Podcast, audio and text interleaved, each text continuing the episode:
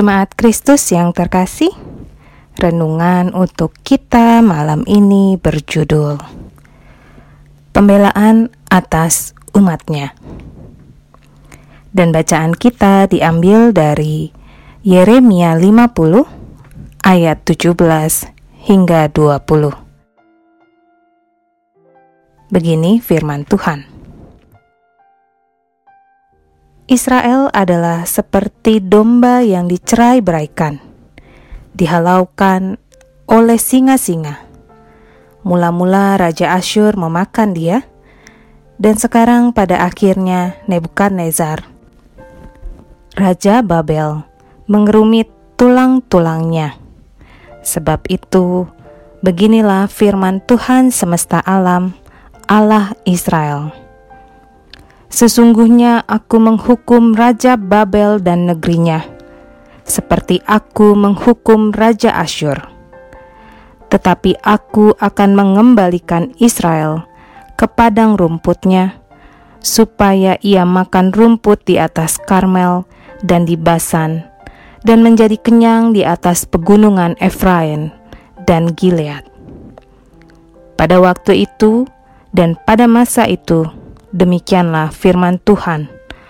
Orang akan mencari kesalahan Israel, tetapi tidak didapatnya.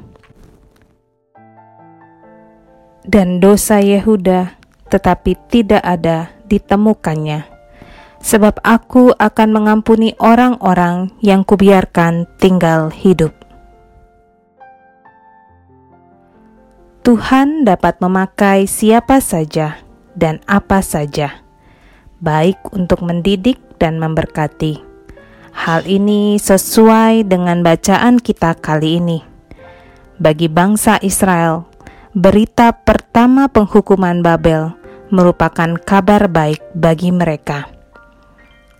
Mereka yang harus menderita di pembuangan karena dahulu memberontak kepada Tuhan, yang kini mereka dalam isak tangis mencari Tuhan akan mendapatkan Tuhan sudah kembali mengasihi mereka. Dosa-dosa mereka sudah diampuni dan kesalahan mereka dihapuskan. Babel sendiri akan dihukum oleh Tuhan karena telah banyak melakukan kekejian di mata Allah.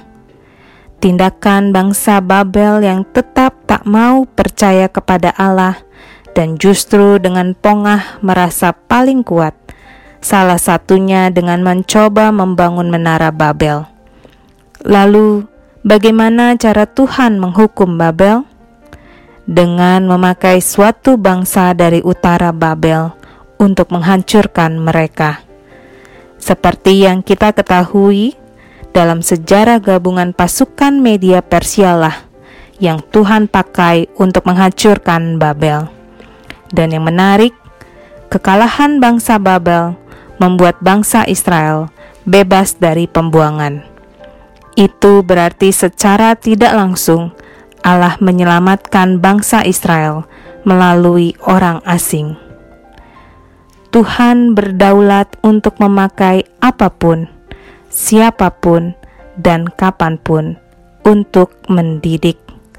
Karena itu, kita sebagai umatnya pun harus tunduk kepada Allah sesuai dengan cara dan kekudusannya. Semoga kita yang telah dianugerahi keselamatan olehnya sepenuhnya menyerahkan hidup kita kepada Allah. Mari belajar hidup taat dan percaya kepada pertolongan Allah. Ia bisa melakukan apa pun yang tak kita duga. Demikianlah renungan untuk kita malam ini. Kiranya damai sejahtera dari Tuhan Yesus Kristus tetap memenuhi hati dan pikiran kita. Amin. Jemaat yang terkasih, mari kita bersatu hati menaikkan pokok-pokok doa yang ada dalam gerakan doa 21 GKI Sarwa Indah. Mari berdoa.